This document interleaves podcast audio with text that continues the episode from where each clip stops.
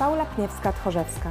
Jestem trenerką kobiet oraz założycielką i prezeską firmy Glowy z suplementami diety. Jestem pasjonatką sportu, bez którego nie wyobrażam sobie życia oraz siebie. Codziennie motywuję i wspieram masę kobiet w dążeniu do ich celu po ja. Wiesz, że byłaś e, pierwszą osobą, którą zaprosiłam do swojego podcastu jeszcze chyba rok temu, jak dobrze pamiętam. Pamiętasz to? Pamiętam, że ty mi wspominałaś o tym podcaście, kiedy miałaś jakiś zamysł na niego, Tak. ale nie wiedziałaś w ogóle, kiedy go stworzysz i właśnie wtedy już zaczęły się rozmowy na ten temat, że chcesz zrobić ten podcast i że bardzo byś chętnie ze mną zrobiła taką rozmowę. Oczywiście bardzo mi miło, że mnie, że mnie zaprosiłaś jako pierwszą, że tak powiem. Ja oczywiście bez wahania się zgodziłam. Mhm. Dopiero później, jak im bliżej tego podcastu, to miałam coraz więcej wątpliwości. Tak, do tego zaraz Tak. e, dojdziemy, ale tak jak mówisz, rzeczywiście na początku em, chciałam powiedzieć, że miałam zupełnie inny zamysł, ale tak naprawdę ja tego zamysłu nie miałam. Ja Mhm. wiedziałam, że chcę e, robić jakiś fajny, wartościowy projekt e, dla ludzi i że bardzo dobrze czuję się e, w rozmowach, a z racji tego, że z Tobą bardzo dobrze mi się rozmawiało od samego początku, Wzajemnie, E, tak. To wiedziałam, że muszę Cię do tego podcastu e, zaprosić. Poza tym e, kryje się za Tobą naprawdę, według mnie, wspaniała, inspirująca historia i może nie do końca wszyscy ją znają. Twoi obserwatorzy zapewne bardzo dobrze, ale moi... Myślę, że nie. Myślę, że moi obserwatorzy wiele się właśnie dowiedzą z tego podcastu, bo o wielu rzeczach nie powiedziałam też nigdy e, publicznie, Mhm. więc e, jeżeli właśnie mam to zrobić, powiedzieć o czymś publicznie, uzewnętrznić się, no to myślę, że tylko i wyłącznie z Tobą i była, jest to idealna okazja i po prostu komu jak komu, ale Tobie nie mogłam odmówić. No i bardzo się cieszę, że w końcu e, doszło do tego, że e, do mnie przyszłaś i że ja stworzyłam sobie wcześniej ten cały koncept e, tego podcastu, czyli Wonder Woman, rozmowy z kobietami w pierwszym sezonie przynajmniej, które są bliskie mojemu sercu. No i takie, które kształtowały mnie w przeszłości, czyli na przykład moja mama, przyjaciółka z dzieciństwa, no i takie, które mają na mnie wpływ e, obecnie. A ty bez wątpienia taką kobietą jesteś, bo jesteś niesamowi- niesamowicie inspirująca, motywująca poprzez swoje e, działanie. A dlaczego? To dowiemy się na pewno z czasem. Zanim zdecydowałaś się już tak ostatecznie na udział w moim podcaście i zanim zaciągnęłam cię na swoją kanapę, to w ostatniej chwili chciałaś zrezygnować. Tak, dokładnie, potwierdzam, że tak było. Doprowadzając mnie tak naprawdę do e, prawie zawału serca, ale może rozwiń to, skąd pojawiły się w Tobie te wątpliwości i dlaczego chciałaś praktycznie w ostatniej chwili zrezygnować z udziału w podcaście? Wiesz co, głównie wynikło to z tego, że tak jak właśnie powiedziałam na samym początku, Ty mnie zaprosiłaś bardzo e, wcześnie, więc ja bez wahania się zgodziłam. Nie wiedząc jeszcze na co się piszesz. Tak, dokładnie, nie wiedząc na co się pisze i znasz mnie, wiesz, że jestem introwertykiem. Ja jestem naprawdę introwertykiem tej najwyższej skali. Mhm. Ja totalnie nie jestem osobą atencyjną, nie szukam atencji w mediach, w sieci. E, wolę pracować w ciszy i po prostu pokazywać już ludziom jakieś tam moje, nie wiem, sukcesy, osiągnięte cele. E, więc przez to, że ja jestem bardzo introwertyczną duszą, nie lubię się uzewnętrzniać. Ja gubię się e, w tłumach, gubię się w mediach na przykład. Mój pierwszy podcast, który nagrałam, był pierwszym w ogóle mo- moim jakimś medialnym otworzeniem się, medialnym wyjściem do ludzi, więc to jest dla mnie na maksa wyjście ze strefy komfortu. Na przykład dla innych ludzi osiągnięcie fajnej sylwetki jest wyjściem ze strefy komfortu. Dla mnie wyjściem ze strefy komfortu jest uzewnętrznianie się w sposób medialny, czyli nagrywanie tego, e, dawanie to do opinii publicznej. Więc to sprawiło, że ja zaczęłam się zastanawiać po prostu nad tym, czy ja rzeczywiście jestem e, psychicznie gotowa na to, żeby przyjść tutaj, e, znowu dać coś od siebie, e, podzielić się swoją prywatnością, którą niechętnie dzielę się na swoim Instagramie. I to był taki pierwszy punkt, który mi przyszedł do głowy. Też w tym samym dniu, w którym napisałam do Ciebie tego SMS-a, czy tam to były głosówki, nie pamiętam, ja miałam terapię. I to była dosyć ciężka dla mnie terapia, bo zaczęłyśmy rozdrapywać po prostu stare jakieś rany. E, I bardzo mi to obniżyło nastrój, do tego miałam pierwszy dzień miesiączki. Wszystko się po prostu wszystko zebrało po prostu w jedną się tak całość. nałożyło i wszystkie moje demony mówiły mi odpuść, nie idź, nie rób tego. Ale kiedy podzieliłam się z Tobą, no to szybko mi to wybiłaś z głowy. Staranie, w ogóle co Ty ten, wszystko do mnie jakby dotarło. Poszłam zrobić mocne cardio, tak Mhm. jak Ci napisałam. E, przemyślałam sobie wszystko i stwierdziłam, że jeżeli no tak jak powiedziałam na samym początku, jeżeli chcę się uzewnętrznić, to tylko i wyłącznie przy Tobie, bo świetnie mi się z Tobą rozmawia. Myślę, że gdyby mnie zaprosił, bo zapraszali mnie też inni ludzie do podcastów, to też odmawiałam, bo po prostu na ten moment nie czułam, że chcę z nimi się po prostu dzielić tą historią. Więc dlatego właśnie. U nas jest e, zupełnie inaczej, ponieważ my znamy się e, prywatnie i przeprowadziłyśmy już tych e, rozmów bardzo, bardzo Tak. dużo, więc myślę, że ta swoboda jest o wiele większa. Ja się bardzo cieszę, że finalnie się zgodziłaś na wzięcie udziału w tym podcaście, bo tak jak też tłumaczyłam Ci trochę w SMS-ach czy w głosówkach i rozmowie telefonicznej, e, daje Ci pełen komfort na to, żebyś mogła realnie zaprezentować e, to, jaką jesteś Dokładnie. osobą, e, co masz w sobie, w sercu, w duszy, w głowie i żeby ludzie mogli poznać Cię trochę z trochę innej perspektywy, bez zupełnie jakiegokolwiek ciśnienia. Ale wspomniałaś też, że miałaś, udział, miałaś okazję wziąć udział w innym podcaście i możesz jeszcze tylko na szybko powiedzieć, jakie są Twoje doświadczenia po tym podcaście. A pytam dlatego, bo to jest podcast u twórcy, u którego ja również Mhm. byłam i też mam e, swoje, Tak. mm, swoje doświadczenia z tym związane, więc może najpierw Ty zaczniesz od e, swoich. Wiesz co, jak wspominam ten podcast, jak teraz sięgam pamięcią, no to dosyć niemiło. Dlatego, że, ale to raczej są moje odczucia, a nie coś e, po drugiej stronie, że, Jasne. że tutaj Przemek coś źle zrobił, broń Boże. Po prostu to była kwestia tego, że ja pierwszy raz tak naprawdę wrzuciłam się na głęboką wodę. E, tak jak powiedziałam, dla mnie to jest mocne wyjście ze strefy komfortu. Ja nie byłam totalnie przygotowana na ten podcast. Ja nigdy wcześniej tak naprawdę nie obejrzałam żadnego podcastu, nie wiedziałam na czym to polega, jakie pytania mi będzie zadawał Przemek. Nie zdawałam sobie sprawy tak naprawdę, w co ja się tak naprawdę ładuję, mimo że Przemek zapraszał mnie na ten podcast już dużo wcześniej. E, on mnie zapraszał już od kilku miesięcy. Bo wcześniej w tym podcaście też wziął E, udział Twój tak, mąż, e, dokładnie, Oskar Tchorzewski. Dokładnie, więc no i wiesz, kiedy ja zaczęłam opowiadać swoją historię, właśnie uzewnętrzniłam się, co jest dla mnie bardzo ciężkie. Po raz pierwszy, Po raz publicznie pierwszy tak naprawdę. publicznie, dokładnie. Ja naprawdę się bardzo stresowałam. Ja pierwszych dwóch pytań, trzech, nawet nie pamiętam, co ja w ogóle mówiłam i jak to się wszystko zazębiało ze sobą. Mhm. To było dla mnie ciężkie. No i potem po prostu też odbiór niektórych, niektórych ludzi, bo wiesz, mogą o mnie ludzie mówić, odbierać mnie na swój sposób, bo każdy ma jakieś swoje inne przeżycia, doświadczenia. Natomiast kiedy ja opowiadam jakąś swoją historię z życia wziętą, gdzie wiem, że ona jest stuprocentową prawdą, a ktoś po prostu w nią nie wierzy, wątpi, umniejsza mi po prostu tej historii, no to ja mam takie poczucie, to po co ja mam iść do ludzi i opowiadać swoje historie, skoro nikt w nie nie wierzy. Oczywiście ten nikt biorę w duży cudzysłów, bo ja tutaj mówię tylko o tej grupie osób, która po prostu negatywnie się wypowiedziała na ten temat, bo miałam też świetne po prostu Jasne. opinie. Bardzo dużo osób teraz przychodzi do mnie w ogóle na współpracę właśnie od Przemka, bo usłyszało mój podcast. E, Wiele osób napisało mi, że się mną zainspirowało, wiele osób napisało mi, że poszło do przodu dzięki temu podcastowi, więc em, to jest bardzo miłe, ale no w ten sposób właśnie wspominam e, ten podcast. E, I a propos też mojego doświadczenia e, z tym podcastem, to e, na ten moment było traumatyczne, Mhm. kiedy dopiero co to wyszło. Teraz z perspektywy czasu patrzę na to zupełnie inaczej i my też wtedy byłyśmy w stałym kontakcie.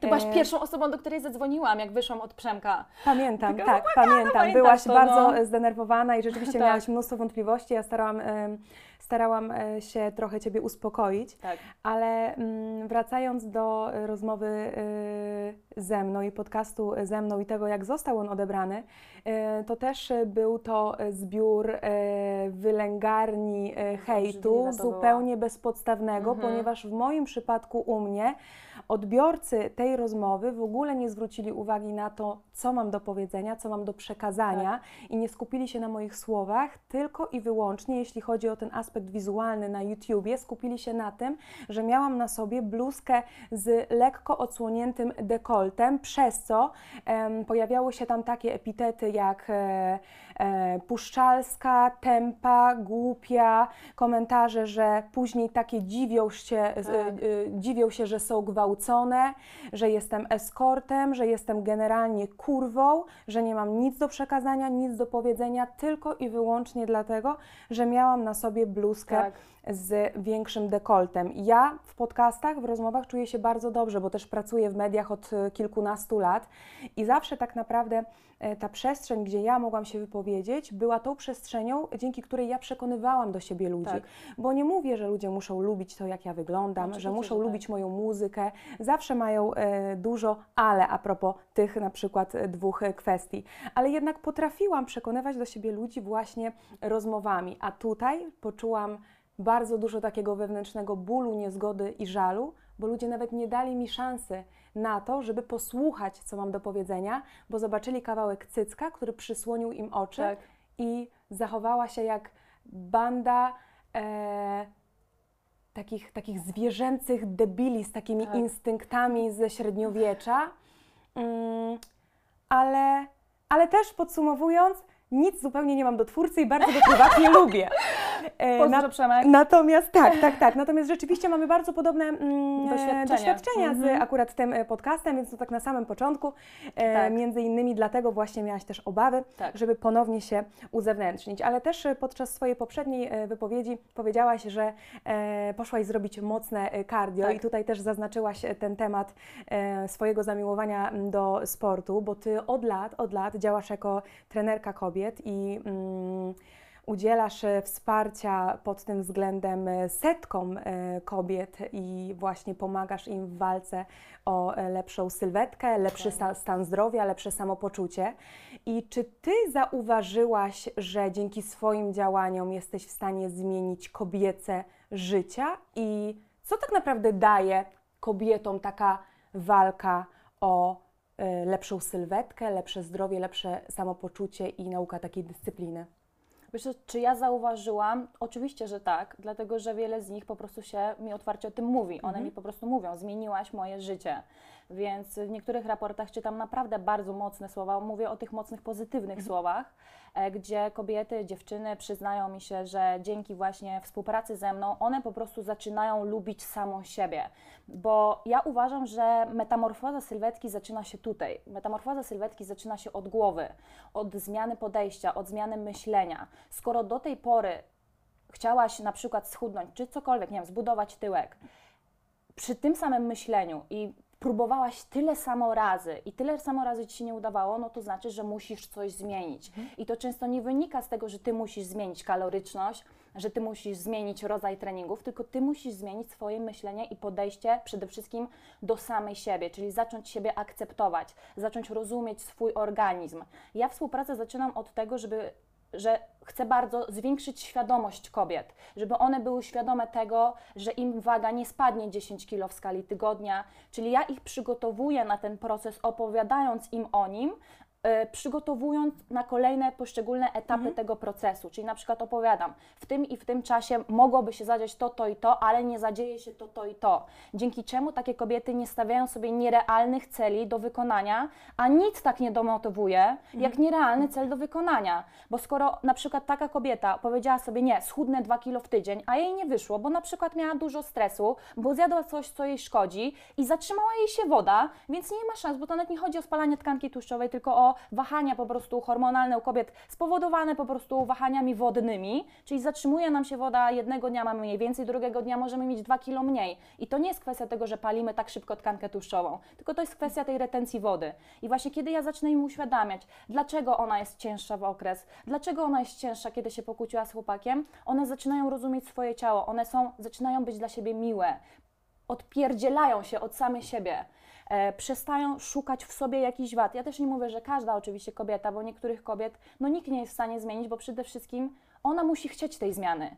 Ja też nie jestem takim trenerem, który będzie wymuszał na siłę tą zmianę. Ja daję zalecenia, daję wskazówki, jestem, można powiedzieć, takim drogowskazem, ale to właśnie od tej kobiety zależy, co ona z tym zrobi. Jedne biorą bardzo do siebie każdą moją wskazówkę, idą do przodu, rozwijają się i właśnie później właśnie poprawia im się związek. Wiesz, to nawet nie chodzi o to, że ona w ciągu 20 tygodni zrobiła dużą metamorfozę sylwetkową, tylko ona w ciągu 20 tygodni zaakceptowała siebie, y, przez co jej związek z facetem jest dużo lepszy, bo ona przestała się czepiać o rzeczy, które wcześniej na przykład się czepiała, a dzisiaj się nie czepia, bo bardziej lubi siebie, bo, ma, bo zwiększyła swoją wartość, bo zwiększyła pewność siebie. Ona na przykład, bardzo wiele kobiet, naprawdę bardzo wiele kobiet po współpracy ze mną, czy podczas współpracy ze mną, mówię o tych długo, o długotrwałych współpracach, żeby to wybrzmiało, ja nie mówię o współpracach, które trwają miesiąc, trzy, tylko rok, dwa, może trzy lata. Bardzo często te kobiety przychodzą do mnie jako mysz, szare myszki, które tak naprawdę boją się wyjść przed szereg, boją się opinii innych ludzi, chcą zrezygnować nawet w momencie, kiedy koleżanka z pracy powiedziała jej, że wcale nie widać Twoich efektów. One bardzo często po takiej współpracy zaczynają być szefowymi. Mają One glow up. Tak, robią totalny glow up. Nie tylko sylwetkowy, tak naprawdę ta sylwetka to jest gdzieś po drodze. Tak naprawdę. To Cały się dzieje, mindset się tak, zmienia. To się dzieje, ta sylwetka, to się dzieje wszystko po drodze. Ja właśnie jestem takim trenerem, która, który chce wzbudzać w kobietach ich poczucie własnej wartości, Mhm. bo ja też nigdy nie miałam takiej osoby obok siebie. E, oczywiście poza moim mężem. E, ale to już dużo później go poznałam, prawda? Ja budując swoją pewność siebie, nie miałam takiej osoby, która mi powie, słuchaj, popraw to, to i to, to, to i to robisz źle, skup się na tym i na tym i na tym. A kiedy na przykład było mi źle i czułam się gruba, obrzydliwa i brzydka, to nie miałam kogoś, kto mi powie, nie, słuchaj, jesteś piękna, dasz radę, rób dalej swoje. Ja staram się być taką osobą, bo ja miałam deficyt tych emocji, e, takiej osoby, więc staram się być osobą taką, której ja zawsze chciałam, e, będąc na ich miejscu, bo ja też kiedyś zaczynałam. Ja też przeszłam przez tą całą drogę. Przecież to nie jest tak, że ja się urodziłam z sześciopakiem i wielką dupą. Właśnie o to też chciałam Tak. spytać i nawiązać do tego, ponieważ ty sama przeszłaś Tak. przeogromny glow up. Dokładnie. I sylwetkowy, i ten związany z mindsetem Mhm. przede wszystkim, bo tak jak też powiedziałaś, że bardzo często te wszystkie zmiany zachodzą na samym początku w naszej głowie Dokładnie. i tak naprawdę ta sylwetka jest często efektem ubocznym e, tego, Dokładnie. co, e, jakie zmiany zaszły w naszej głowie. A jak to było u Ciebie? Ja pamiętam też Ty na swoim Mhm. Instagramie raz na jakiś czas wrzucasz te zdjęcia dla przypomnienia, Tak. żeby głośno zamanifestować, hej Tak. dziewczyny, ja też kiedyś byłam na Waszym miejscu, to nie jest tak, że nagle się wymądrzam, Dokładnie. a nie wiem jaka droga e, jest em, e, do przejścia przed Wami. Ja też kiedyś e, miałam nadwagę, też źle wyglądałam, też nie potrafiłam wziąć życia w własne ręce, też siedziałam, leżałam na kanapie, obiadałam się i nie wiedziałam, co będzie dalej. Dokładnie. Boże, na- skąd ty to wiesz? Nie mówiłam ci tego. Wiesz, że się obiadałam na kanapie. Ja wiesz co, Ale tak jestem dobrym rzeczywiście. obserwatorem i jak często wrzucałaś coś na Nie, story, wiem, to rozumiem, potrafiłam tak, sobie jasne. to złożyć w jedną całość. Ale e, opowiedz o tych swoich początkach, o, Mhm. początkach i o tym, jaka byłaś kiedyś, nawet jeśli chodzi o mindset i sylwetkę, Oj. a jaka jesteś teraz. Oj, no to, ba, to nie wiem, czy masz tyle czasu. Możesz Ale w takim nie. dużym skrócie, żeby też pokazać dziewczynom, które teraz są na przykład Mhm. na początku e, swojej walki ze swoją głową, Tak. ze swoją sylwetką, żeby mogły e, zebrać taką, wiesz, e, nawet e, na, na, na miastkę e, motywacji do tego, że da się, no bo look Mhm. Tak. at her, nie? Tak, tak, właśnie, no ja schudłam około 20 kilo, tam 18-20 kilo swoją, e, w swoim, swoim jakimś tam czasie. Oczywiście to był długotrwały etap dochodzenia do tej sylwetki. Tak naprawdę wszystko się zaczęło od tego, że ja byłam bardzo zaburzoną nastolatką, co też wynikało oczywiście gdzieś tam z moich przeżyć, doświadczeń z dzieciństwa i po prostu nastoletniego życia. W skrócie, ja bardzo nie lubiłam siebie. Można powiedzieć, że nienawidziłam siebie. Ja patrzyłam w lusterko i ja nie widziałam osoby, którą lubię, którą chcę być, która mi się podoba. Nie podobało mi się moje odbicie w lustrze zarówno pod kątem sylwetki, jak i mentalnej. Ja mm, wychodząc ze znajomymi na imprezę byłam zła, dlatego, że na przykład jakaś ładna dziewczyna siedziała z nami przy stole. Ja dlatego całkowicie rozumiem teraz te wszystkie dziewczyny, na przykład, które nie mają wartości, które widzą ładną dziewczynę i mówią, jak ona wygląda, dlaczego ona tak wygląda. Ja to totalnie rozumiem, bo ja też tak miałam i wiem, z czego to wynika. To wynika z nas. To wynika z tego, że my same siebie nie akceptujemy, więc się porównujemy, szukamy tego, co ona ma lepszego ode mnie i ja tak dokładnie też miałam. I Pewnego dnia po prostu też sprawy z kręgosłupem sprawiły, że mm, gdzieś tam troszkę podupadłam psychicznie, ja też nie miałam silnego mentalu, bo, tak jak wspomniałam, byłam zaburzona i gdzieś to zaczęłam zauważać, że te kilogramy się odkładają, że jestem coraz większa i wydaje mi się, że momentem kulminacyjnym, takim przełomowym był fakt, że wzięłam swoje ulubione jeansy, które miałam, ja tam wtedy miałam chyba w tych czasach dwie pary jeansów, więc dużego wyboru nie miałam, ale sięgnęłam po te jeansy i się w nie nie zapięłam, a one były w rozmiarze L. Nie mogłam dopiąć tego guzika i stanęłam przed lustrem, strasznie się popłakałam, rozebrałam się do naga, stanęłam przed tym lustrem i powiedziałam sobie, to jest ostatni dzień, kiedy patrzę w lusterko i mam, widzę to, czego nie chcę widzieć. Następnego dnia poszłam na siłkę. I od tego się wszystko że- zaczęło. U mnie, Przepraszam to, cię, ale jak opowiadasz. u mnie to po prostu było tak. Ja Wspaniałe po są prostu takie historie. Mam bardzo dużo też w sobie autorefleksji. Ja jestem dla siebie największym krytykiem. Nikt nie jest w stanie mnie tak zniszczyć, zdołować, jak ja sama siebie. Same here. Możecie próbować i tak Mhm. dalej, ale nie ma po prostu takiej szansy. I poszłam następnego dnia na siłownię i bardzo się w to wkręciłam. Ja w ogóle zaczęłam rozumieć, że mnie, ja lubię tam chodzić. Ja zaczęłam, wiadomo, na początku troszkę jak szara myszka, tak nie wiedziałam za bardzo co robić. No wiadomo, jak to pierwszy dzień na siłowni. ale lubiłam ten proces, lubiłam to, że mnie tam bolą mięśnie, że ja to czuję, że ja się poszłam zmęczyć. Zauważyłam, że po powrocie super mi to robiło na głowę. Nagle zaczęłam się odcinać od jakichś negatywnych myśli. Miałam jakiś fajny cel i sobie powiedziałam, zrobię naprawdę zajebistą sylwetkę. To był mój cel. Nie dawałam sobie jakiegoś e, czasu do wykonania tego, po prostu stwierdziłam, że tyle, ile będę potrzebowała, tyle mi to zajmie. No i tak właśnie się to zaczęło. Ja zaczęłam chodzić na siłownię, zaczęłam widzieć efekty.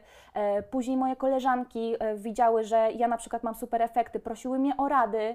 E, Ja dawałam im te rady, one zaczęły mieć super efekty i powiem Ci, że tak to się nakręcało, że ja coraz bardziej chciałam się zagłębiać w kwestie dietetyczne, kwestie treningów. Zaczęłam robić różne szkolenia, kursy.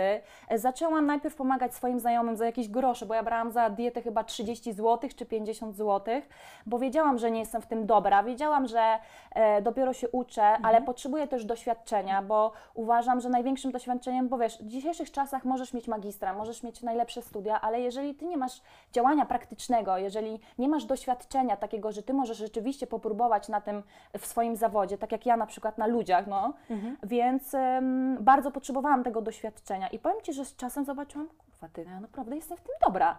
Dobrze mi to idzie, czuję się w tym super, sprawia mi to ogrom radości e, i zaczęłam w ten sposób pogłębiać swoją wiedzę, no i w ten sposób szłam małymi właśnie krokami do przodu. I rzeczywiście tak jest, jesteś w tym dobra i patrzę na to e, pod względem metamorfoz, które wrzucasz Tak. do siebie na Instagram. Jeśli Wy chcecie e, zobaczyć, to e, zapraszamy na Instagrama Tak. Pauli. Tam śledzicie zresztą około 40 No, tysięcy tak. osób. W każdym razie masz chyba w relacjach wyróżnionych Tak. dodane swoje Tak. metamorfozy. E, Naprawdę jestem czasami pod wrażeniem. Ty przede wszystkim też specjalizujesz się, wydaje mi się, w robieniu przepięknych e, dolnych partii ciała Tak. pośladków, bo sama no, jesteś e, właścicielką e, świetnych pośladków. No, nie ukrywajmy, masz się czym pochwalić. Dzięki, Oczywiście dzięki. mówimy tu, tu tylko nie o aspektach takich czysto cielesnych, tylko Tak. to jest efekt ogromu pracy pracy. Tak, I jeśli chodzi o świadomość dietetyczną, treningową i o mental, więc Tak. jeśli dla ludzi e, ćwiczenie, e, wysiłek fizyczny jest samym takim pustym wysiłkiem fizycznym, Absolutnie to nie. jest to totalny bullshit nie. i zupełnie się z tym nie zgadzam. I zupełnie też nie zgadzam się z tym, jak ktoś e, myśli, że osiągnie idealny efekt, tylko e, chcąc schudnąć. Nie. Ja chcę schudnąć Nie, nie, i nagle rzeczywiście realnie po kilku miesiącach będzie wyglądać świetnie. To jest rzeczywiście bardzo wielowymiarowa praca. Ja też sama jestem mm, od najmłodszych lat związana ze sportem i nie wyobrażam sobie swojego życia bez sportu zupełnie, niezależnie od tego, jaka jest to aktywność fizyczna. Robię to czysto rekreacyjne, ale czy to była e, jazda konno e, od dzieciaka, czy to był taniec, e, czy to była koszykówka, czy właśnie siłownia, czy, czy pilates, ja muszę ćwiczyć i nie ćwiczę na pewno dlatego, żeby dobrze wyglądać. Ja, tak jak Nigdy w życiu tak teraz swoim nie robiłam. ja od trzech lat w ogóle nie trenuję pod sylwetkę. Tak. Bo wcześniej robiłam to pod sylwetkę, wiadomo, to, to też mi świetnie wpływało na moją głowę, ale od 3-4 lat ja trenuję tylko i wyłącznie z pasji, dlatego że ja kocham. To jest mój moment, w którym ja mogę być, pobyć sama ze sobą, bo też mam bardzo dużo obowiązków na co dzień, więc ciężko mi się tak oderwać i po prostu zrobić coś dla siebie. Więc siłownia to jest takie miejsce, gdzie ja mogę zrobić coś dla siebie, więc ja jak wchodzę na siłownię, ja zakładam słuchawki i mnie nie ma, ktoś się ze mną wita. Jestem przekonana, że większość osób na siłowni yy, ocenia mnie na przykład po wyrazie twarzy, a ja jestem pod kapturem zazwyczaj, zamknięta. Ja w ogóle nie chcę z nikim rozmawiać podczas Mhm. treningów. Ja nie jestem w stanie zrobić z kimś treningu, chociaż nasze pierwsze spotkanie No było na właśnie. siłowni, nie? Nasze pierwsze Tak. spotkanie było na siłowni i uważam, że to był świetny Tak, trening i super bardzo dobrze trening, mi się tak. z Tobą trenowało. Tak, bardzo, bardzo fajne spotkanie. Czyli jakoś dałaś radę. Tak, dałam, ale mówię o takim, wiesz, codziennym, Jasne. codziennych, tak na, Jasne. raz na jakiś czas jak najbardziej mogę się spotkać z kumpelą, zrobić właśnie e, trening, ale Kurwa, uważam, nie mogłam się ruszać przez tydzień później, nie? ale uważam, Dobrze że właśnie trening to jest właśnie taki mój czas, mój time e, i po prostu daj mi spokój w, w tym czasie, w którym ja robię swój trening. O. A propos jeszcze tych podopiecznych, y, bo też y, nawiązuję tutaj y, czasami do niektórych Twoich wypowiedzi na Instagramie, Mhm. na Instastory, Tak. kiedy przytaczasz pewne sytuacje. Czy to zawsze jest tak, że dziewczyny, które się do Ciebie zgłaszają, osiągają ten swój wymarzony efekt docelowy? Czy nie zawsze te współprace Nie, przebiegają tak y, kolorowo? Totalnie nie. Ja też chcę właśnie, żeby to wybrzmiało, że ja nie jestem trenerem dla każdego. Ja przede wszystkim nie jestem trenerem dla kobiet, które nie mają w sobie za grosz pokory, nie mają w sobie za grosz dystansu i nie mają jakiejkolwiek poczucia własnej wartości. Ja nie mówię, żeby to poczucie wartości było bardzo duże, ale jakiekolwiek. Chodzi mi o to, że elementem mojej pracy jest ocenia, ocena tych kobiet pracy. Nie zawsze moja ocena będzie pozytywna i bardzo wiele kobiet nie rozumie tego, że ja czasami nie ocenię Cię pozytywnie, dlatego że ja chcę Ci dopiec, że chcę, żebyś się poczuła źle, bo mi jest w ogóle daleko prywatnie od takiej osoby. Ja to mówię dlatego, żebyś Ty poszła do przodu, żebyś Ty w końcu zrozumiała, co poprawić i ja bym chciała mieć taką osobę, która by mi powiedziała, słuchaj Paula, to robisz źle. Ile ja bym czasu w ogóle zaoszczędziła w swoim życiu. A one czasami odbierają to jako atak, jako agresję, jako toksyczne nawet zachowania. Bardzo często właśnie te dziewczyny mówią, że jestem toksyczna. Dla mnie konstruktywna krytyka jest najlepszą formą motywacji. Oczywiście, że tak, ale widzisz, dlatego, że ty masz poczucie własnej wartości i to jest właśnie klucz, to jest właśnie on point, wiesz o co chodzi, że bez tego po prostu się nie da, bo jeżeli ty nie masz poczucia własnej wartości, zawsze każdą moją uwagę będziesz odbierała jako atak, jako, że ja chcę ci dopiec, że ja chciałam być niemiła, a absolutnie, bo jeżeli zwracasz, y, przy, przychodzisz do mnie na współpracę, no to my zaczynamy być jednym teamem. My nie gramy w przeciwnych drużynach, my gramy do jednej bramki. Więc to, że ja ci mówię, że zrób to, to, to, to mogłaś zrobić lepiej, to zrobiłaś super, bo ja też jestem trenerem, który bardzo też jakby punktuje też super rzeczy, nie, nie tylko, że krytykuje, żeby nie było. Ale czasami naprawdę muszę powiedzieć coś mocniej, e, coś bardziej, żeby ona zrozumiała tak naprawdę, gdzie tkwi jej błąd, bo ja chcę, żeby poszła do przodu. I właśnie ostatnio nawet miałam taką sytuację, gdzie dziewczyna mi napisała, że chce, żebym wymieniła jej dane ćwiczenie, bo ona się go wstydzi robić na siłowni. A pracuję z nią rok, pracowałam już z nią rok. I ja mam takie, kurczę, no muszę Ci powiedzieć, że argument na zasadzie wstydzisz się go robić nie przemawia do mnie na tyle, żebym mogła Ci zmienić te ćwiczenie. No to zrezygnowała ze współpracy i wypunktowała mi, bo stwierdziła, że jestem toksyczna. Więc uważam, że ogólnie dużo lepiej dogaduję się ze starszymi kobietami, ale nie mówię też o wieku, tylko mówię o mentalności. Tak, rozumiem. E, tak, Bardziej bo mam, po tak, bo mam też emocjonalnie. 21-latki, z którymi się świetnie dogaduję, one są bardzo pozytywnie nastawione i one Mhm. każdą uwagę moją przyjmują z pokorą. Paula, masz rację, znasz się na tym lepiej, spróbuję to wdrożyć. Ona to wdraża, widzi tego efekt i dzięki temu budujemy zaufanie, dzięki temu jesteśmy dużo lepszym teamem i jesteśmy w stanie osiągać wspólnie naprawdę niemożliwe rzeczy. Mhm. I właśnie z takimi kobietami mi się udaje. Z kobietami, które odbierają moje uwagi jako atak, agresję i tak dalej, totalnie nie, nie ma szans, że ta współpraca wyjdzie, te współprace się kończą. Ja też e, za, stwierdziłam, że też już jestem na takim jakby etapie trenerskim, gdzie ja nie muszę wchodzić w współpracę, które mnie męczą psychicznie. I to uważam za mój duży sukces, że ja nie muszę robić czegoś, czego nie chcę z daną osobą. Więc jeżeli dana współpraca w dłuższym okresie czasu e, wzbudza we mnie same negatywne emocje, męczy mnie, jak ja otwieram ten raport, to już po prostu ja muszę się do niego motywować, muszę się do niego nakręcać, to wiem, że po prostu ta współpraca nie ma sensu i takie współprace również y, są zakończane z mojej strony, więc mm, no bywa to bardzo różnie, bo kobiety są bardzo Różne. różne. Tak. Każda interpretuje to też na podstawie swoich doświadczeń, na podstawie tego, e, co ona miała w dzieciństwie, w życiu, w nastoletnim życiu. Mhm. E, więc to tak naprawdę jest temat rzeka, ale ja się bardzo cieszę. Bardzo cieszę się z tego, że te niektóre współprace same się rozwiązują i dają mi możliwość pracy tylko z takimi osobami, z którymi ja chcę pracować, lubię pracować i którym chcę powierzać moją wiedzę, dzielić się nią i tak dalej. A powiedziałaś, że to e, bardzo dużo zależy od tego, e, co e, ktoś miał w przeszłości w swoim życiu. A jeśli ty miałabyś zrobić taką retrospekcję swojego życia, to co było takiego, co najbardziej ciebie zahartowało jako osobę? Było tych sytuacji mnóstwo. Tak naprawdę uważam, że całe moje życie to jest jedna wielka właśnie, nie wiem, szkoła życia, która Mhm, mnie zahartowała do tego, żebym była w tym miejscu, w którym dzisiaj jestem. Bo teraz naprawdę masz ma bardzo mocny mental Tak, i zupełnie zmieniłaś się, jeśli Zupełnie. chodzi o to, jaka byłaś kiedyś i jaka Dokładnie. jesteś teraz. Więc nawet dla osób, które nas słuchają, Mhm. to może być, wiesz, ogromna motywacja Tak. i takie światełko w tunelu, że nawet jeśli nasza, Tak, bo- nasze życie to szkoła życia i Tak. wydaje nam się, że e, ciężko będzie nam osiągnąć wyżyny swoich marzeń czy osiągnąć sukces, to jednak Ty jesteś też idealnym przykładem na to, e, że się da. tak, właśnie bardzo wiele wie, że najczęściej zadawane pytanie na Instagramie w moją stronę jest, co zrobić, żeby osiągać swoje cele, kiedy znajomi mówią, że nie dasz rady, kiedy nie masz wsparcia. Więc ja właśnie też przyszłam tutaj z taką misją, żeby w końcu to też na głos wybrzmiało, ale to do tego przejdziemy zaraz. Odpowiadając na Twoje pytanie, bardzo wiele czynników wpłynęło na to, co ukształtowało mój mental. E, Już się zaczęło tak naprawdę wszystko we wczesnym, we wczesnym dzieciństwie, gdzie też nie mówiłam nigdy o tym publicznie, otwarcie, ale jestem też w domu, w którym po prostu był alkohol. E, Widziałam nieraz po prostu, nie wiem, sytuacje, miejsca, zdarzenia, których tak naprawdę jako mała dziewczynka nigdy nie powinnam widzieć, doświadczać, przeżywać. E, I tam się to wszystko zaczęło. Ja tak naprawdę, będąc małą dziewczynką i kiedy działy się jakieś na przykład złe rzeczy w moim życiu, czy takie, które po prostu gdzieś tam na mnie wpłynęły właśnie w sposób negatywny, miałam tak naprawdę czasami tylko i wyłącznie siebie i swoje myśli jako najlepszego przyjaciela. I te myśli sprawiały, że ja wierzyłam, że wyjdę z tego. Ja wierzyłam, że ja nie chcę tak żyć. Wiedziałam i wierzyłam to z całej siły, że przede mną jest coś lepszego, że, że czeka mnie dużo lepsze życie. E, Później w wieku nastoletnim, jako, tak jak powiedziałam, zaburzona nastolatka, też musiałam wiele przeżyć.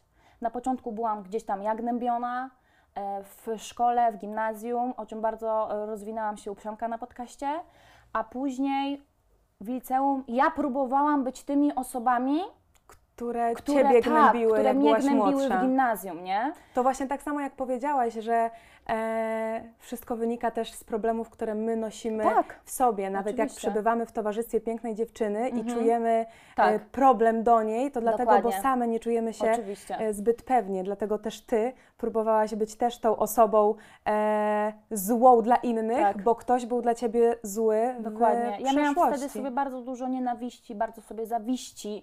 Na przykład dzisiaj w moim życiu nie ma czegoś takiego jak zawiść, zemsta, zazdrość. W ogóle nie, mam- nie, Mhm. nie, nie, nie mam takich uczuć. Wyzbyłam się e, ich totalnie ze swojego życia. Też wszystkim ludziom, którzy gdzieś tam mnie zawiedli, w, so, w swojej głowie wybaczyłam, co dało mi też ulgę i to też sprawiło, że w ogóle mogłam pójść naprzód. Zdecydowanie uważam, że wybaczenie jest jednym e, z najważniejszych e, takich etapów, żeby siebie No, wyzwolić, oczywiście. e, żeby, wiesz, nie zapychać siebie, swojego ciała, umysłu, Tak. duszy toksynami, bo te emocje, Bo które Ty wymieniłaś, Ty je karmisz tymi zawiść, emocjami, tak. zazdrość, żal, brak wybaczenia, jeśli my je żywim, żywymi, żywimy Tak. na co dzień do kogoś, to my sami robimy sobie, sobie. krzywdę. Właśnie o to chodzi. Właśnie Tak. o to chodzi. I ja gdzieś tam, no wiesz, teraz już to wiem, wcześniej Mhm, jako mhm. nastolatka tego nie Oczywiście. wiedziałam. To też nie były czasy, nie w ogóle nie było wtedy Instagrama, kiedy ja byłam, Mhm. kiedy ja chodziłam do, do liceum, to nie było Instagrama jak coś.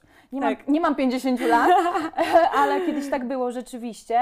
Kiedyś, za naszych czasów, Za naszych nie czasów było, tak było. Instagrama. Tak, nie było Instagrama, no i Tak. też nie było, wiesz, czegoś takiego, terapia w ogóle? Terapia? Terapia się kojarzyła, że tylko chore osoby psychicznie chodzą do terapeutki, wiesz. Ja nawet w życiu nie wiedziałam, że ja mogę gdzieś szukać pomocy. Oczywiście. Ja nawet nie wiedziałam, że to ze mną jest problem, że przez to, co, jaka jestem, to jest mój bagaż doświadczeń, emocji, które miałam w domu, w szkole, gdziekolwiek. E, I to myślę, że zaczęło mnie kształtować już mój mental wtedy, w, tam, w tamtym czasie, a kiedy zaczęłam zagłębiać się w siłę swojej podświadomości, w to, że tak naprawdę nasze myśli kreują naszą rzeczywistość, nasze życie, i zaczęłam sobie obierać cele, które dla bardzo wielu osób, większości osób, z którymi miałam do czynienia, były nierealne, niemożliwe. Bardzo wiele osób mi mówiło, "Kur- co ty w ogóle, weź, bujasz w obłokach w ogóle, nie, nie dasz rady, w ogóle nie zabieraj się za to. A ja wierzyłam, że ja dam radę. Ja wierzyłam od samego dzieciństwa, że czeka właśnie mnie lepsze życie, wierzyłam w siebie i nigdy nie dopuściłam do sytuacji, w której na sekundę w siebie wzwątpiłam. E, I kiedy zakładałam sobie jakiś cel i dochodziło do jego realizacji, a ten cel wydawał się dla mnie 3 lata temu niemożliwy, to mnie to budowało. Mnie to właśnie doklejało mi kolejną cegielkę, cegiełkę do mojego mentalu, do mojej drogi, do mojej osobowości i do bycia właśnie tą silną kobietą.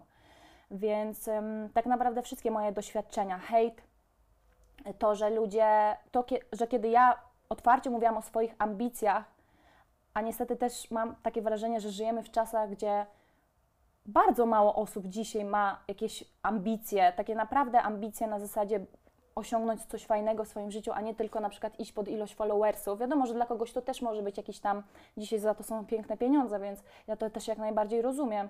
Tylko chodzi mi o to, że kiedy ja na przykład otwarcie mówiłam o swoich ambicjach, bardzo często ludzie mi odbierali, że mam nos w ogóle wyżej sram niż dupę mam, za przeproszeniem. Rozumiem, rozumiem. Że Bo jestem- twoje plany Tak. e, były zbyt górnolotne, Oczywiście. żeby oni Tak. e, mogli pojąć to Tak. ze swoją ograniczoną Oczywiście, świadomością. że tak. I właśnie, a ja odpowiadałam tym ludziom, słuchaj, to są Twoje ograniczenia, to nie są moje ograniczenia. I ja wierzę, że mi się uda.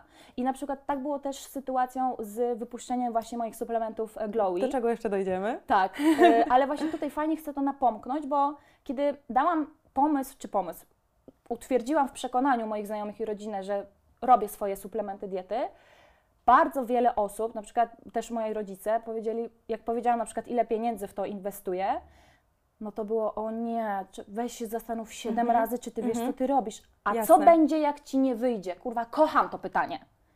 Nie zakładam, że mi nie wyjdzie. Ja odpowiedziałam, słuchaj, ale kto zakłada poza tobą, że mi nie wyjdzie, bo ja nie. Ja nie zakładam, że mi nie wyjdzie. I byłam tak odbierana na zasadzie, tak patrzyli na mnie, znowu jej jakieś kolejne fanaberie, nie? w które Okej. wierzy.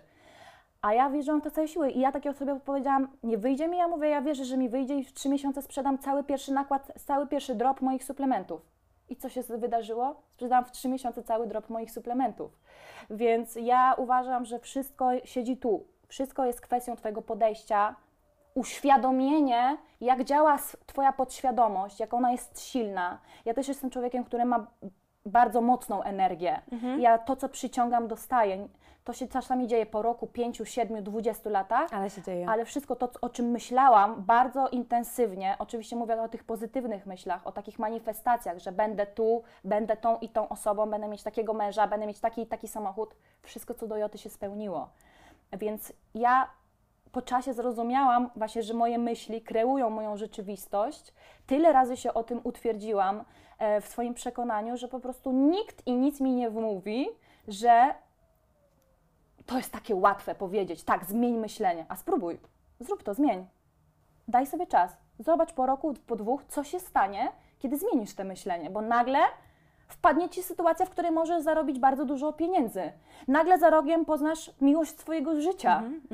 I tak naprawdę jesteś w stanie przez rok zmienić swoje życie od tak, kiedy zmienisz swoje myślenie. I wracając do podopiecznych, bardzo dużo podopiecznych pisze mi, mówię o takich e, tych bardziej mm, kobietach nasączonych takim negatywizmem, pesymistkami. O, one na przykład mówią mi tak, Paula, z chłopakiem się rozstałam, e, coś tam pies, piesek choruje, moje dziecko jest chore, z pracy mnie wyrzucili, koledzy mówią, chodź na browar, po co ci ta dieta, ja już nie mam siły, za dużo tych negatywów na mnie spływa.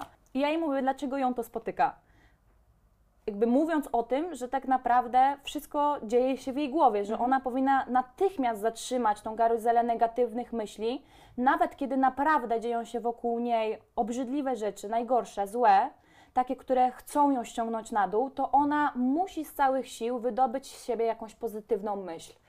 Z każdej, uważam, porażki, złego doświadczenia można wyciągnąć cokolwiek pozytywnego. E, I uważam, że na tym wtedy powinniśmy się skupiać, kiedy za dużo się dzieje, bo to tak działa 12 zasad wszechświata. Kiedy ktoś pożycza sobie o 12 zasadach wszechświata, dowie się i połączy wszystkie kropki, dlaczego nagle wszystko, e, co negatywne na ciebie spłynęło. Bo to jest kwestia tego, że zapętliłaś się w swoich negatywnych myślach i nie jesteś w stanie z nich wyjść.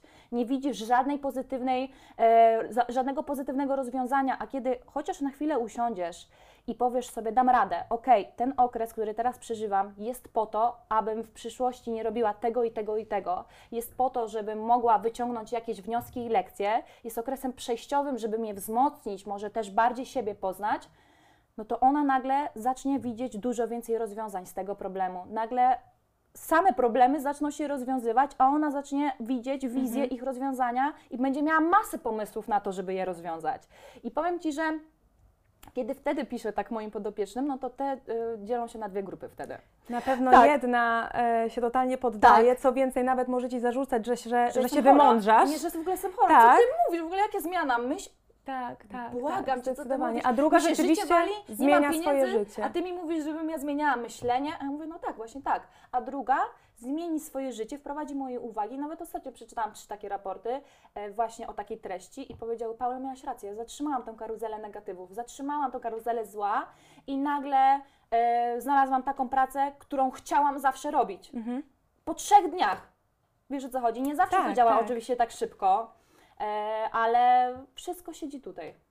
Zgadzam się z Tobą w 100%. Moje życie tak naprawdę od najmłodszych lat też jest y, taką jedną wielką manifestacją i wiele rzeczy się wydarzyło, takich, o których myślałam i które kłębiłam sobie gdzieś tam w swojej głowie i wysyłałam tę energię do wszechświata, a za tydzień, za miesiąc, za rok realnie te rzeczy się y, działy i mimo tego, że ja mam bardzo analityczny umysł Mhm. i ja wierzę w większość rzeczy, które da się udowodnić, które są Mhm. namacalne, które da się zobaczyć, to siła manifestacji i rezonowanie właśnie z tą pozytywną energią y, sprawdziła mi się w życiu. Mhm. Ja, to jest dla mnie namacalny dowód, że to się wydarzyło, Oczywiście. więc zdecydowanie w to wierzę, wyznaję to i praktykuję na co dzień i chcę szerzyć też tą świadomość, że Oczywiście. każdy może realnie zmienić swoje ży- życie i że bardzo dużo właśnie zależy od tego, co e, mamy e, w głowie. Ja tak naprawdę jeszcze Ci wejdę w słowo, uważam, tak jak mówią wielcy moje inspiracje, jak na przykład Arnold czy McGregor, jeżeli jesteś w stanie coś sobie zwizualizować i wyobrazić, to znaczy, że jesteś w stanie to osiągnąć.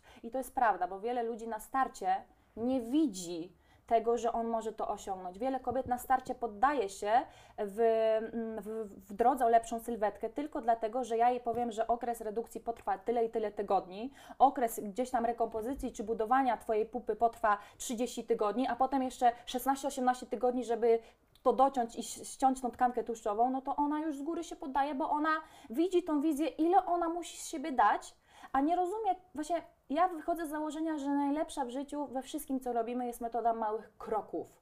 Żeby wszystko robić po kolei, step by step, dzięki czemu też jesteśmy potem bardziej doceniać każdy jeden efekt, pieniądz wpły- wpływający i tak dalej, bo wiemy, ile musieliśmy na niego napracować e, i tak dalej, a tak naprawdę małe kroki, małe iskry budują ten wielki ogień, budują te wielkie cele.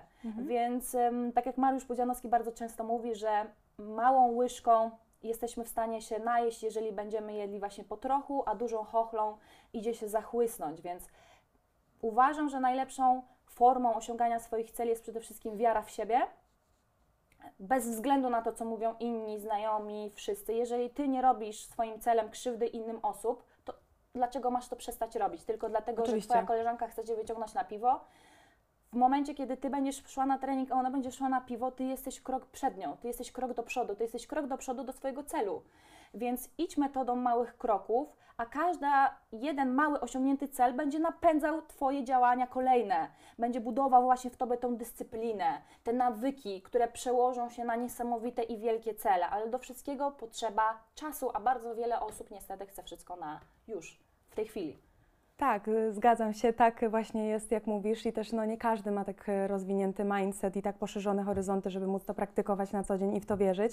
I ja Ja myślę, też że miałam. No właśnie, Tak. chciałam nawiązać, że y, dlatego też jesteś y, jeszcze y, większym ym, takim wzorem do, do podziwiania i brania y, przykładu z, y, bo, bo jako DDA, czego jest teraz naprawdę mnóstwo, bo ja robiąc projekt y, y, społeczny w y, przypadku wydania mojego singla Ogień, który opowiadał o współuzależnieniu akurat, ym, to y, robiłam y, z Joanną Flis, czyli psycholożką specjalizującą się właśnie w temacie e, uzależnień. Wyobraź sobie, że kilkanaście milionów Polaków na 40 milionów mieszkańców w naszym kraju jest uzależnionych od jakichś substancji albo psychoaktywnych, albo od ym, uzależnień behawioralnych.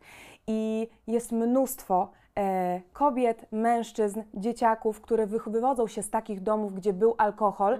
I bardzo często te schematy albo są powtarzane, albo te zaburzenia, które otrzymujemy w spadku po naszych rodzicach, uniemożliwiają nam prowadzenie szczęśliwego, satysfakcjonującego życia, a tobie się udało. Tak. Więc myślę, że też jesteś idealnym przykładem i taką nadzieją dla tych osób, które realnie muszą zmagać się z tym bagażem doświadczeń, które otrzymały w swoich domach, em, że może się udać po Wiesz prostu. co, bo ja w swoim życiu nie boję się porażek.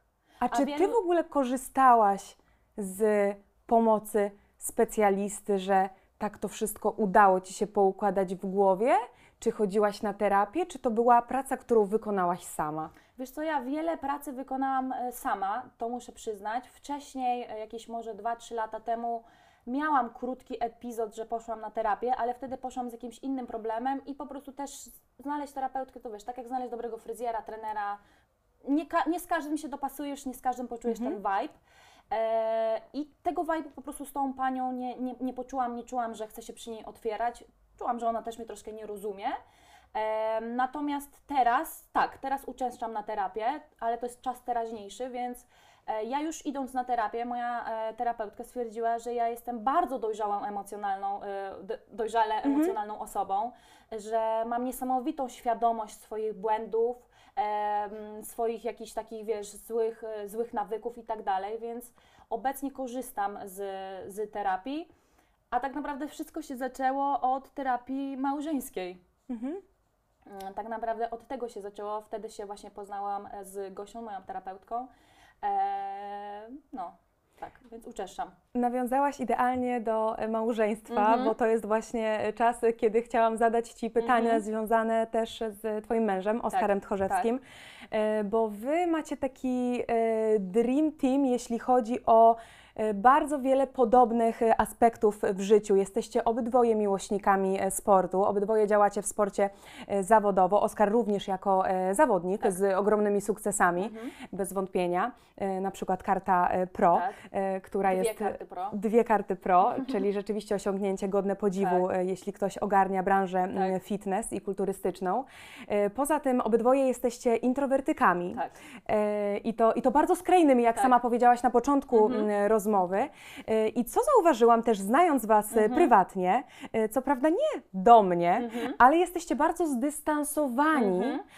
do ludzi i bardzo nie ufacie Tak. ludziom. I z czego to wynika? Z doświadczeń, tylko i wyłącznie z, nas, z naszych doświadczeń, jakich mieliśmy, nie wiem, ze znajomymi wcześniejszymi, z przyjaciółmi, którzy okazywali się, że wcale nie byli naszymi przyjaciółmi.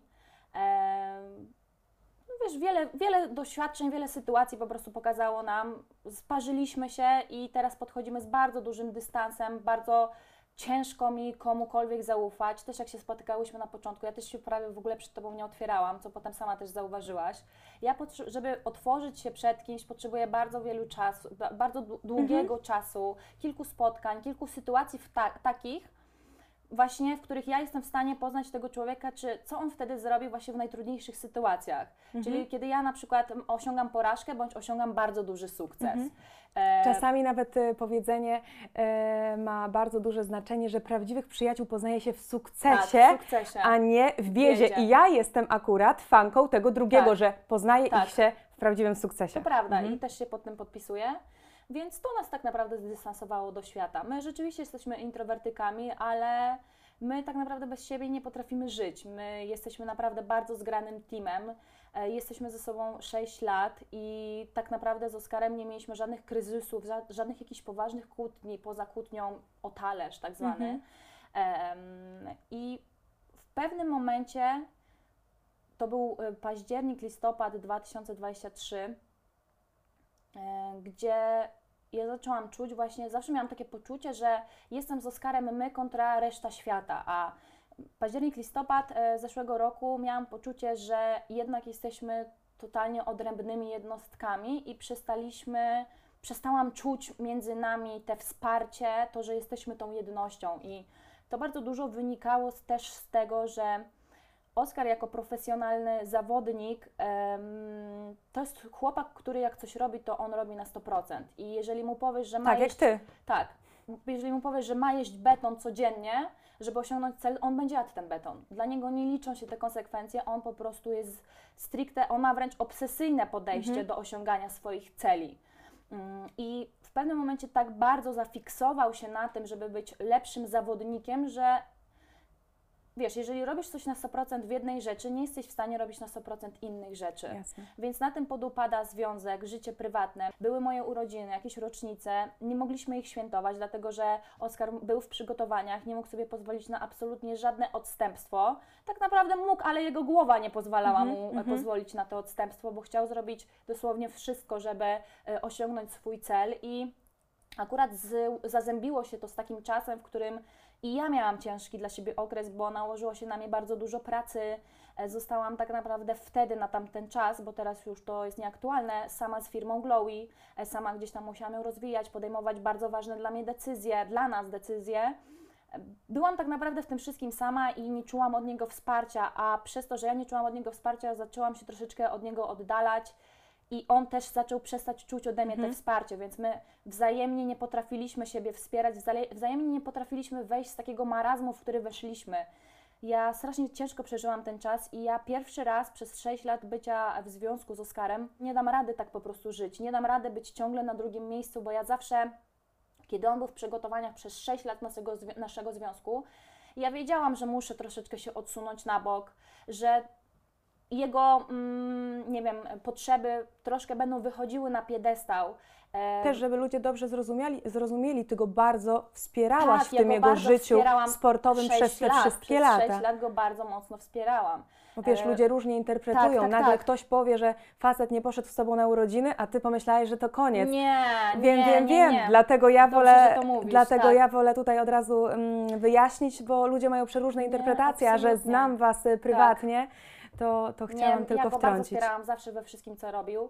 Kibicowałam mu, byłam jego największym fanem. Zresztą kto był na trybunach wie, że ja zawsze byłam głośna. E, Jak jestem introwertyczką i nie lubię właśnie Mhm. jakby być centrum uwagi, to na zawodach, jak Oskar stał na scenie, miałam to wszystko gdzieś i po prostu byłam Tak. jego największym fanem. Kibicowałam mu, żeby on czuł ode mnie właśnie to, że jestem z nim w tym wszystkim. I po porażkach bardzo płakałam. Strasznie przeżywałam to, bo ja wi- widziałam, ile on z siebie daje.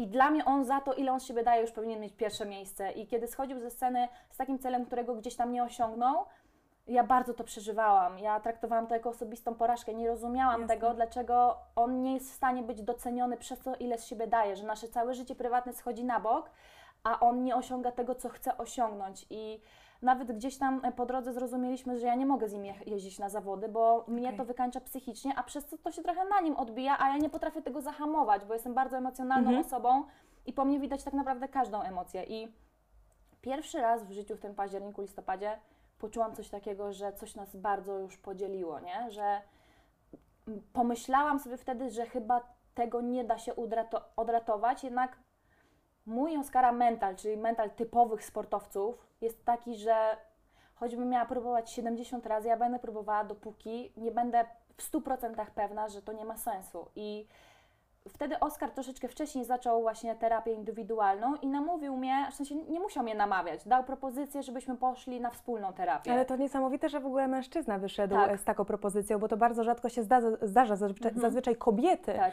są e, tymi, które e, oferują e, Mhm. opcję Tak. wspólnej terapii. Mhm. Tak, i wyszedł właśnie z taką propozycją, poszliśmy na tą terapię. Po trzech terapiach okazało się, że nie potrzebujemy żadnej terapii, że tak naprawdę... Ale nie zakończyło się na trzech? E, Czy zakończyło się zakończyło na się na trzech? trzech, dokładnie. Ale teraz e, chodzicie indywidualnie. indywidualnie, tak. Mhm. Bo wiesz co, my też, właśnie nasza terapeutka uświadomiła nam, że my przez te 6 lat, od kiedy jesteśmy ze sobą, my się totalnie zmieniliśmy jako jednostki. My Mhm. obraliśmy w, w swoich głowach zupełnie inne priorytety, zupełnie inne wartości. Ja miałam inne wartości w pewnym czasie niż Oskar. Dla niego liczyły się tylko zawody, dla mnie liczyło się zupełnie jakieś inne rzeczy.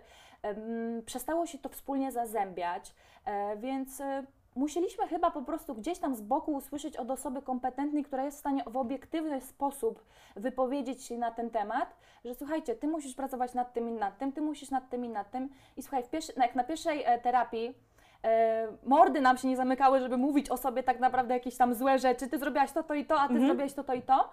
Tak na trzeciej my w ogóle siedzieliśmy za rączkę, ja nie chcę nic o nim mówić złego, wiesz? Wszystko jest super. Gosia mówi, dobra, słuchajcie, Super. nie ma w ogóle sensu kontynuowania tej terapii, jesteście super zgranym teamem i powiem Ci szczerze, że niby tylko trzy sesje, a tak wiele wniosły w nasze życie pozytywnego. Mhm. W ogóle przestaliśmy nadinterpretować e, swoje Tak. słowa, oceniać się na podstawie tego, jakimi byliśmy ludzi, ludźmi 4, 5, 6 Mhm, lat temu, mhm. bo nie jesteśmy już tymi ludźmi, a my ciągle em, w jakichś kłótniach wyrzucaliśmy sobie to, co było sprzed 4 lat, 6 lat, albo myśleliśmy, że tak myślimy dziś, bo 5 lat temu tak myślałam, czy myślałeś.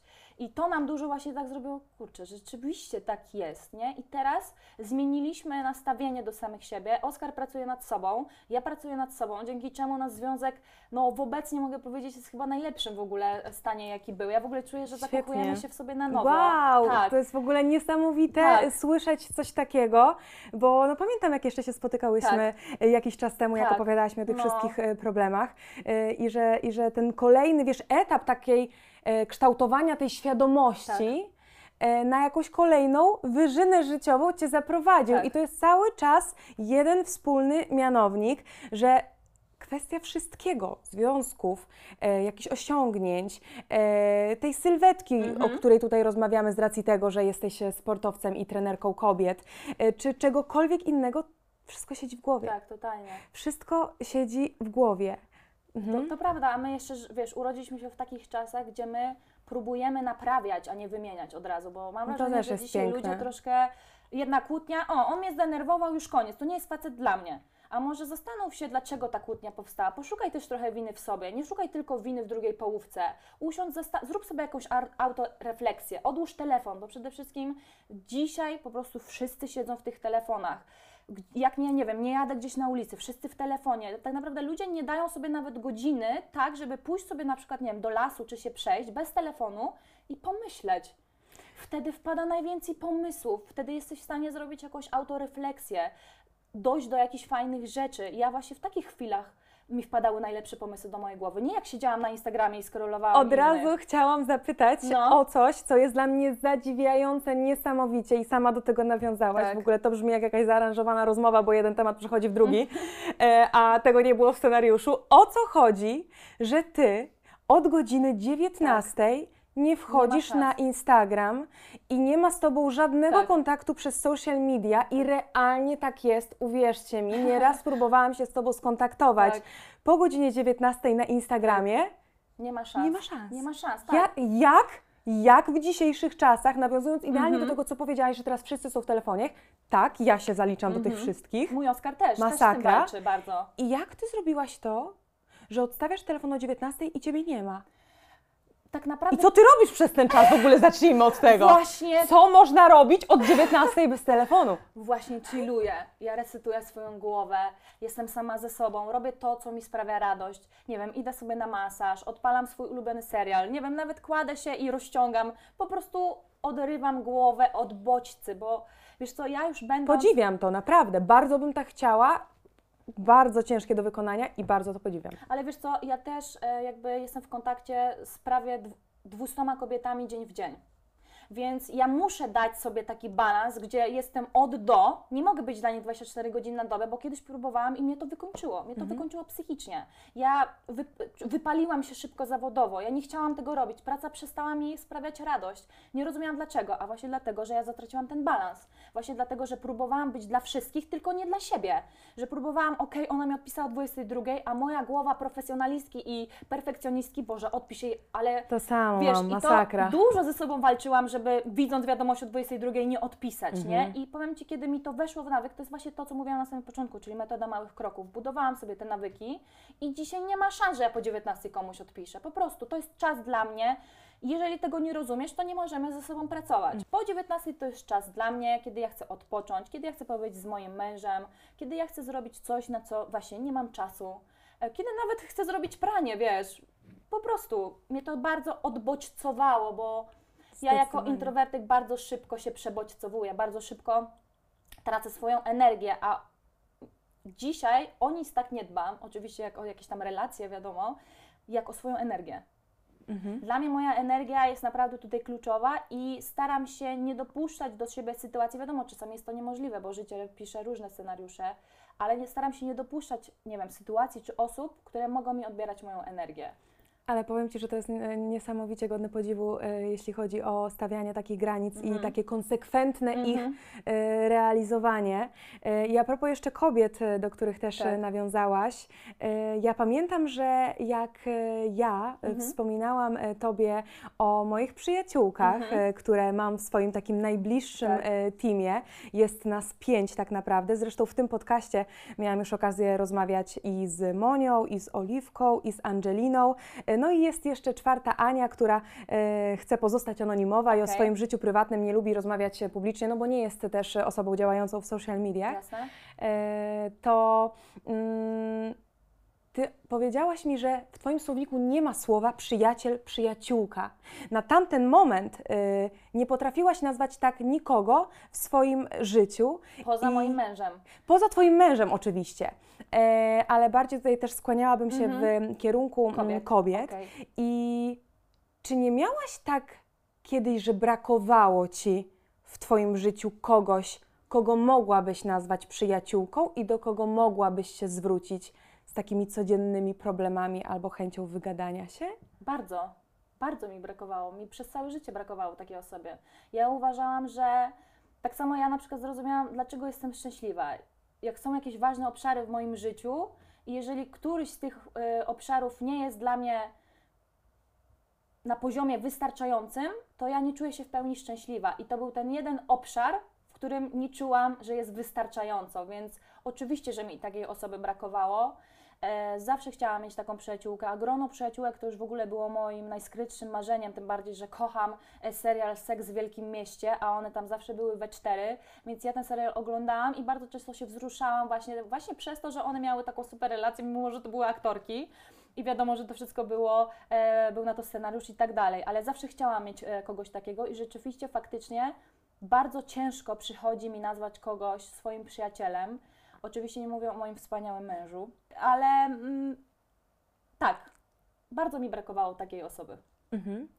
A jeśli chodzi o te wszystkie. Chcę też dodać właśnie, Mhm. że ja może też mam troszeczkę inną definicję słowa przyjaciel. Mhm.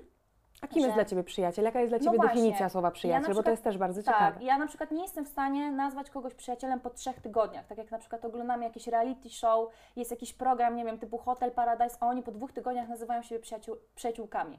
Dla mnie w ogóle jest to niepojęte. W życiu nie mogłabym nazwać kogoś, kogo nie znam i kogoś, kto nie był ze mną właśnie w sukcesie i w porażce. Mhm. Bo to mi najbardziej pokazuje właśnie, kto jest moim przyjacielem. E, czy cieszy się ze mną z moich sukcesów, czy gdzieś tam widzę, że te sukcesy go bolą, Mhm. go rażą. E, wtedy na pewno nie będziemy przyjaciółmi. Tak samo w porażce, ja jest, e, kiedy na przykład większość się od Ciebie od, od, odwraca, kiedy na przykład mierzysz się z hejtem i wtedy na przykład jest ta osoba, której możesz się wygadać i ona Ci mówi dobre słowa, pociesza Cię, no to dla mnie właśnie jest to przyjaciel, a nie też miałam takich przyjaciół, którzy jak był hejt, no to od, poszli razem z tym hejtem.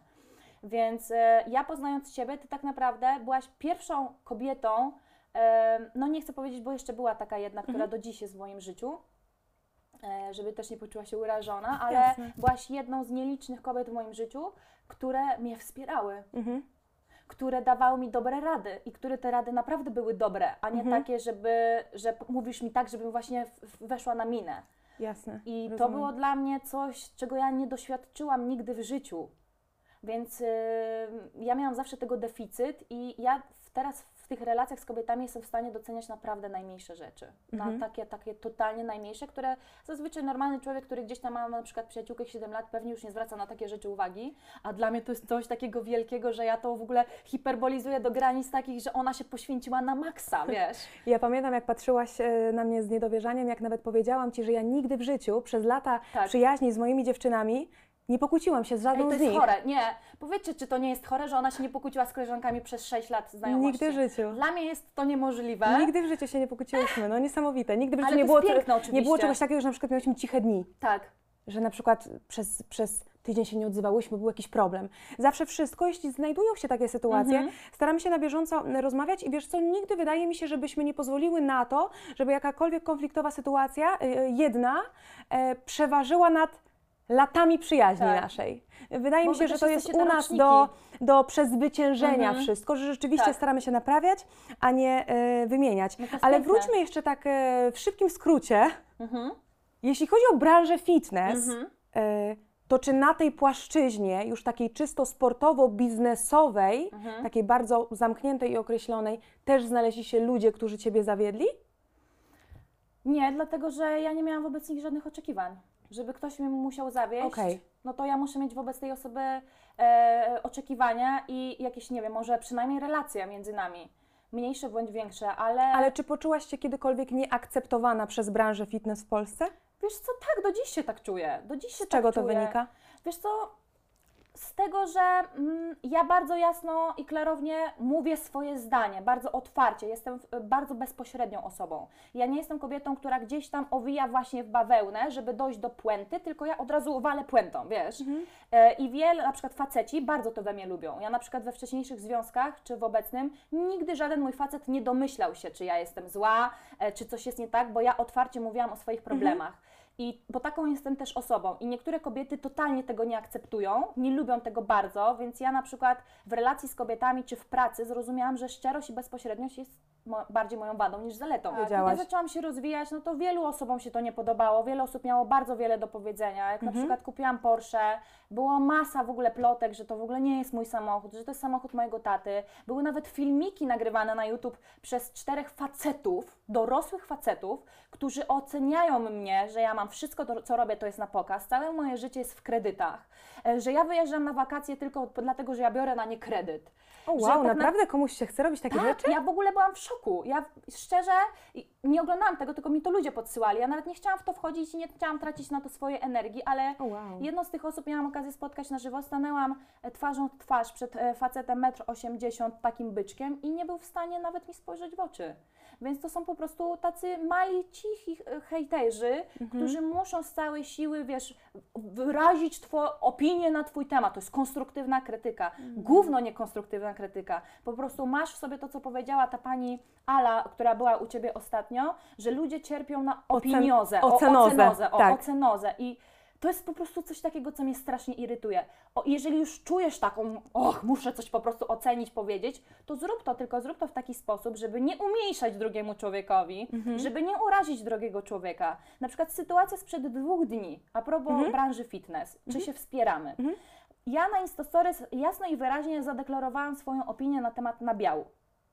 Na temat jedzenia nabiału. Mam całą wysypaną gębę obecnie od tego, że zaczęłam pić od trzech tygodni skyry i nawet jak to dodałaś, to mi to Połączyły dało się do kropki. zrozumienia, że kurwa stara, ja mam taką twarz, zobacz jaką mam Tak, wysypkę tak. na czole, widzisz to? Pod światłem czy nie? No mam ty masz ogólnie wysypkę piękną na, cerę, czo- na czole. ale rzeczywiście coś widać. Bo zaczęłam pić skyry. Kupiłam, no. e, kupiłam cały taki, taki wielopak dla mojego chłopaka, bo on pije, jemu Mhm. nic nie jest. I ja też zaczęłam je podpijać, Tak. mimo tego, że rzuciłam nabiał, laktozę już dawno temu.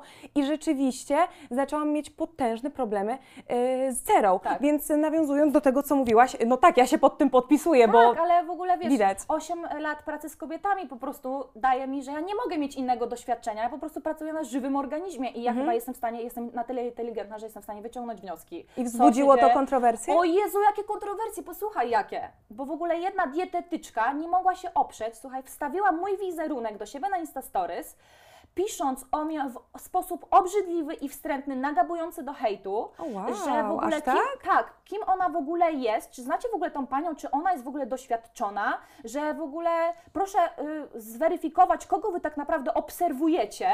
E, I zaczęła po mnie po prostu tam ubliżać mi. Ja słuchaj, mm, podesłała mi to jakaś dziewczyna, ja do niej napisałam na DM-ach. e, Chociaż równie dobrze mogła się zachować tak jak ona i zrobić to publicznie. ale mi się wydaje właśnie, że ona chciała, żebym tak Trochę zrobiła. tak. To są ci ludzie e, tego typu Prowokacja. pi- przypierdalacze, Tak. o których ja ostatnio Ale mówiłam posłuchaj na właśnie, bo to jest Instastory. niesamowite, bo ja do niej napisałam na DM-ach, bo ona mówi, kim, ona mnie jakby zmniejszyła do rangi fit influencerki, że ja jestem tylko fit influencerką. No jakby umówmy się. Bitch, no, please. W ogóle tak, do tak. mnie się czeka 9 miesięcy na współpracę, mam I żeby była jasna sprawa, ty też nie współpracujesz Z z, żadnymi markami na swoim Instagramie i nie wykorzystujesz tej swojej obecności na Instagramie, jak większość sposób. influencerek, na przykład ja, że zarabia się na tym całkiem duże pieniądze, tylko ty po prostu zarabiasz te swoje pieniądze, jeśli chodzi o Na twoją siebie działalność, tak, działalność e, trenerskiej. Więc ona mnie sprowadziła do rangi fit influencerki, że jakby nik, nikim nie jestem poza byciem fit influencerką. Ja do niej napisałam i słuchaj, oczywiście e, b- przeprosiła mnie w ogóle, powiedziała, że oczywiście mogła to napisać w inny sposób i co się okazało? Ta dziewczyna śledzi mnie na Instagramie, ta dziewczyna oglądała podcasty ze mną z Oskarem, więc ona doskonale wiedziała, kim jestem, więc to z jej strony po prostu była czysta prowokacja właśnie po to, żebym ja to do, do siebie wstawiła, Mhm, więc ja mam takich prowokacji bardzo dużo. Ale mimo tego, tak naprawdę żadna z sytuacji, które wymieniłaś e, ze swojej przeszłości, e, czy później z czasów, kiedy byłaś nastolatką i teraz, jak już jesteś dorosłą kobietą, no nie pozwoliła ci się ma I tak naprawdę wszystko wyda wydaje mi się że kształtowało Twój mindset i wychodzisz chyba też z takiego założenia, co ja, co nas nie zabije, to nas Oczywiście. wzmocni. I tak jak też już nawiązałaś e, w międzyczasie em, a propos Twojej e, firmy e, Glowy, jesteś założycielką i prezeską e, Mhm. Tak. Glowy, czyli firmy z suplementami, e, trenerką setek e, Mhm. kobiet, em, jeśli chodzi o prowadzenie ich e, online. E, Kupiłaś sobie swój wymarzony samochód, Tak. Porsche, o którym też wspomniałaś. Kupiłaś sobie swój wymarzony e, dom. E, I czy Ty masz jeszcze jakieś e, zawodowe i prywatne cele na ten moment, które chciałabyś osiągnąć? Wiesz co, ja mam głowę pełną pomysłów. Moja głowa jest pełna pomysłów, ale obecnie skupiam się na tym, co mam i staram się rozwijać to, co mam po prostu. Nawet jako trener już nie chcę tego rozwijać, chociaż nie chcę Mhm. też mówić tego na głos, bo wiem, że może mi się na przykład to zatrzymać, więc Jasne. po prostu chcę, żeby było tak, jak jest, a jeżeli będzie lepiej e, na przykład w kwestii suplementów, no bo one tak naprawdę dopiero raczkują, ja mam je dopiero Możemy rok. pokazać w ogóle. W ogóle mam e, ciekawą historię a No. propos, e, bo e, tutaj mamy flat belly i wyobraź sobie, że obecny. ostatnio byłam na oczyszczaniu twarzy Mhm. i jedna z kosmetolożek, która robiła mi oczyszczanie, mówiła o swoich problemach z jelitami, Mhm. które ja również mam e, i mówi Słuchaj, odkryłam świetny suplement, moje wszystkie problemy z jelitami się skończyły. że to flat belly. Naprawdę, to jest prawdziwa historia. Moje wszystkie problemy z jelitami się skończyły, czuję się świetnie, udało mi się schudnąć, e, bo czekaj, ta, ta, ta Paula, ta Paula, ona, ona ma teraz inaczej na nazwisko, bo wzięła ślub. Mówię, Paula Tak. Pniewska i Flat Belly? No. I ona mówi, tak, tak. Ja mówię, no przecież to jest moja koleżanka. Ona mówi, co ty mówisz, i świat mały. Mhm. Tak. Więc realnie, słuchaj, nie to, że ja tutaj e, Tak. zachwalam, bo to twoje, nawet z opiniami się spotykam ze świata zewnętrznego, Tak. że, że to działa. Dokładnie, no. I macie suplement właśnie e, na zdrowie układu pokarmowego, e, zdrowie wątroby, wsparcie trawienia i prawidłowej pracy e, jelit. Tak, tylko I nie wiem, ma że co czytać tego, co na opakowaniu, bo niestety też prawo e, co do promocji suplementów jest bardzo Mhm. ostre, bardzo zaostrzone i pewnych rzeczy po prostu nawet nie mogę napisać, nie? I co macie jeszcze? Opowiedz tutaj o tym, bo macie jeszcze To jakieś trzy suplement kolejne. na układ hormonalny kobiet, czyli dla, e, polecane dla kobiet, które mają na przykład jakieś problemy z tarczycą, e, z układem hormonalnym, z wysoką prolaktyną, e, takie, które znoszą bardzo ciężko PMS, które mają bardzo bolesne miesiączki, więc to jest taki suplement, który sprawi, że jak weźmiesz go z rana, będziesz miała więcej chęci i motywacji do życia, bo ma tyrozynę, która też w jakiś sposób podbija poziom dopaminy, która jest nam bardzo potrzebna do życia, no i będzie bardzo fajnie od wewnątrz wspierał cały układ hormonalny. Suplement B-Beauty to jest po prostu taki czysty stak witamin e, w bardzo dużych dawkach wraz z kwasem hialuronowym na cerę, włosy, skórę i paznokcie. E, mamy też Calm Sleep, czyli coś, co powinien, uważam, brać każdy Ja, człowiek ja dwa opakowania zeżarłam i spałam jak dziecko. w XXI wieku, bo poza tym, że to pomoże zasnąć i będzie e, wydłużało tą fazę REM, która jest najbardziej wartościowa, to po prostu to jest suplement dla ludzi, którzy żyją w stresie, w ciągłym biegu, które się wszystkim ciągle przejmują, które przyjmują dużo bodźcy, na przykład dla prezesów firmy, dla sportowców, bo też jest wiele składników, które pomogą Wam się regenerować, czyli po prostu lepszy sen równa się lepsze życie. Ja pamiętam nawet, jak e, kiedyś miałam taki e, czas, nie No. wiem, czy to nie było podczas e, premiery mojego e, singla e, z Malikiem You Can Sit Tak, With Us e, i właśnie. byłam strasznie zestresowana i pamiętam, że kiedyś pisałyśmy Tak. e, właśnie na ten temat i słuchaj, za trzy dni ja dostaję paczkę i chyba to była Twoja nowość Tak. wtedy i dostałam dwa te e, opakowania Calm Sleep. Rzeczywiście już, już ich nie mam, więc No nie wiem, czy sobie. Ci to pasuje, czy nie, ale ja, ja, ja, ja zawijam ten Calm, e, Calm Sleep ze sobą, bo naprawdę to działa. Tak. Ja czułam się świetnie po tym suplemencie i e, no z przyjemnością jakby Mamy na go e, mamy zawinę. magnes, wiadomo. Dopiero się tak naprawdę rozkręcamy, mamy bardzo dużo fajnych pomysłów i obecnie pracuję nad, nad czymś, jeszcze tego nigdzie nie mówiłam. E, chcę stworzyć coś, co uważam, że każdy z nas będzie potrzebował z rana. Okej, E, i- powiesz mi później, jak tak, się kamery I wyłączą. chcę to właśnie stworzyć też w kroplach, żeby ludzie, którzy mają problem z łykaniem tabletek, bo okazało się, że to jest bardzo duży problem, e, żeby też mogli właśnie sobie z tego skorzystać. A jestem jeszcze ciekawa, bo ty jesteś bardzo silną kobietą, Mhm. masz bardzo silną osobowość i myślę, że masz dużo w sobie męskiej energii, tak, Tak. samo jak ja. I czy ty widzisz ze swojej perspektywy jakieś różnice w postrzeganiu kobiety, a mężczyzny w biznesie, w sporcie? Bardzo. Co to ja, są za różnice? Wiesz co, takie właśnie, że na przykład ja będąc prezesem firmy Glowy i współpracując na przykład z kobietą, która gdzieś tam mi pomaga w pewnych kwestiach, nie zawsze zgadzam się z jej decyzjami. I Okej. Mimo że próbuję wyrazić swoje zdanie w najbardziej łagodny i delikatny sposób, to bardzo często właśnie jest to odbierane bardzo osobiście, jakbym ja, wiesz, jakbym jej zarzucała to, że na przykład coś mi się nie podoba, a ja po prostu wyrażam swoje zdanie po to, żeby moja firma mogła się rozwijać i też nie zawsze ze wszystkim się, z każdym pomysłem się zgodzę, e, bo też mam jakieś tam swoje zdanie, swoje wizje tej firmy, na przykład a propos influencerów.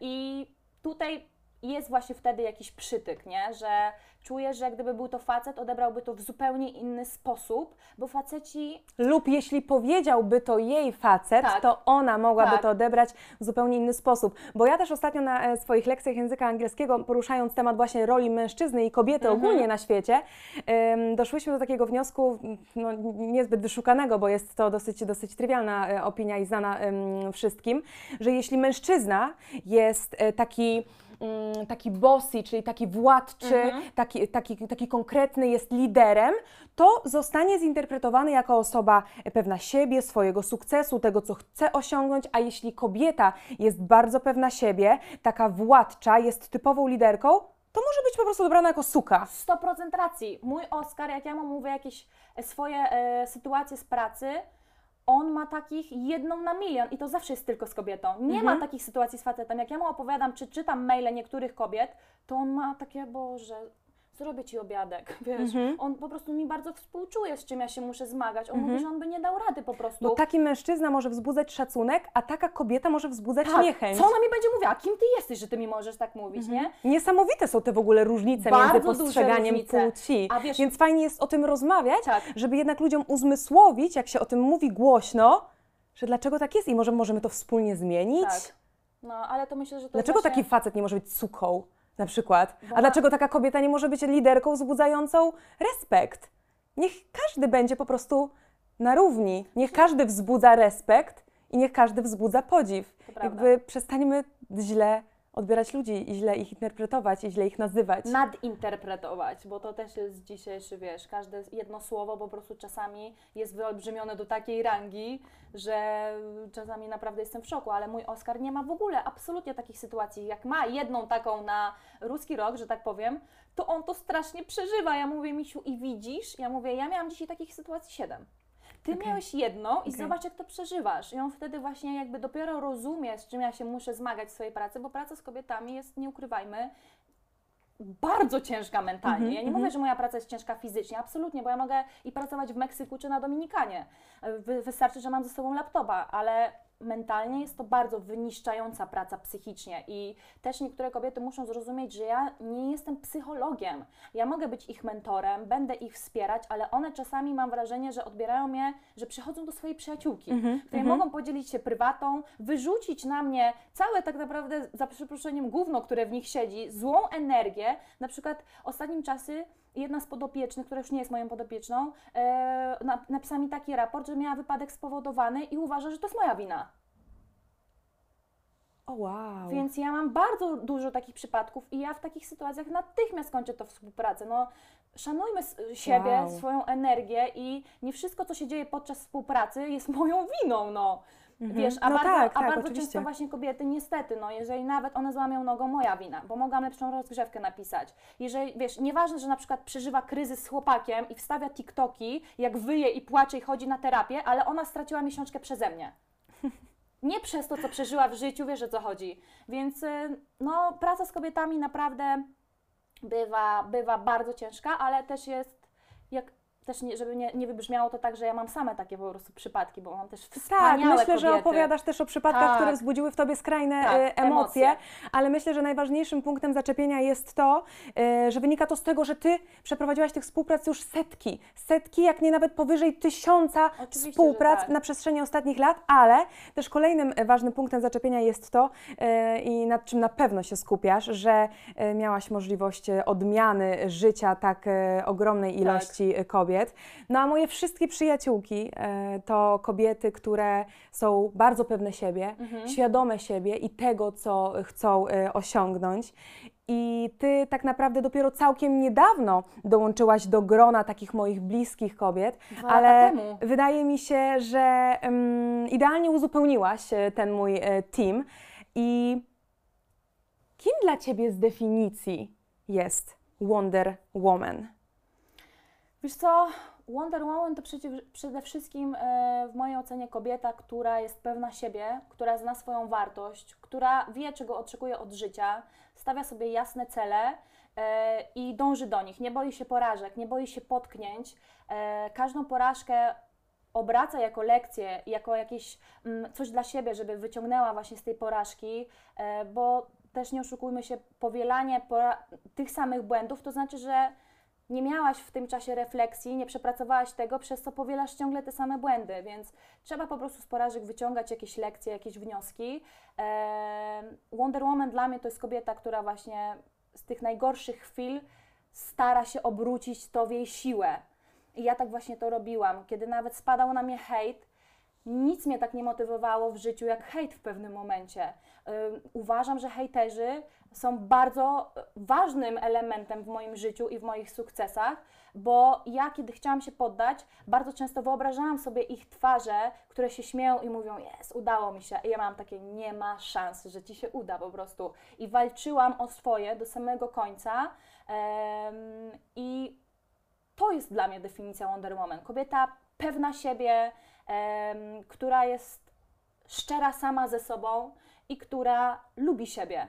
Bo uważam, że żeby pomagać innym, czy mówić innym, jak mają żyć, czy dawać innym porady, trzeba coś w życiu samemu przepracować. Trzeba lubić samą siebie. Trzeba mm, też mieć jakieś swoje wartości w życiu, żeby dawać je innym, przekazywać je innym. Ja spytałam Ciebie o definicję e, Wonder Woman, ale wydaje mi się, że podałaś Opisałam definicję, że, że, Najgorzej. że opisałaś właśnie siebie, e, czyli Paula e, Pniewska-Tchorzewska, ale co jest idealnym zwieńczeniem tego, Mhm. że Wonder Woman to Paula Pniewska-Tchorzewska.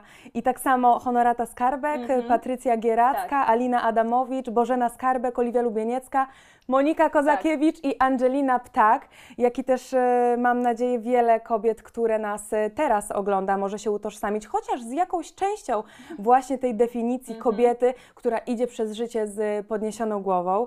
I bardzo serdecznie dziękuję Ci, że bardzo. zdecydowałaś się mimo tych obaw e, na e, przyjście tutaj i na przeprowadzenie rozmowy e, ze mną w podcaście Wonder Woman. Bardzo I ja Ci życzę cieszę. wszystkiego, co najlepsze, żeby te wszystkie cele zawodowe i prywatne, które masz w swojej głowie, zrealizowały się. A czy się zrealizują, nie mam do tego najmniejszych wątpliwości i mam nadzieję, że będę mogła Ci towarzyszyć przy realizacji tych celów. I że jeszcze nie jedną rozmowę w naszym życiu przeprowadzimy. Tak, bardzo Dziękuję Ci serdecznie. Kochana moja.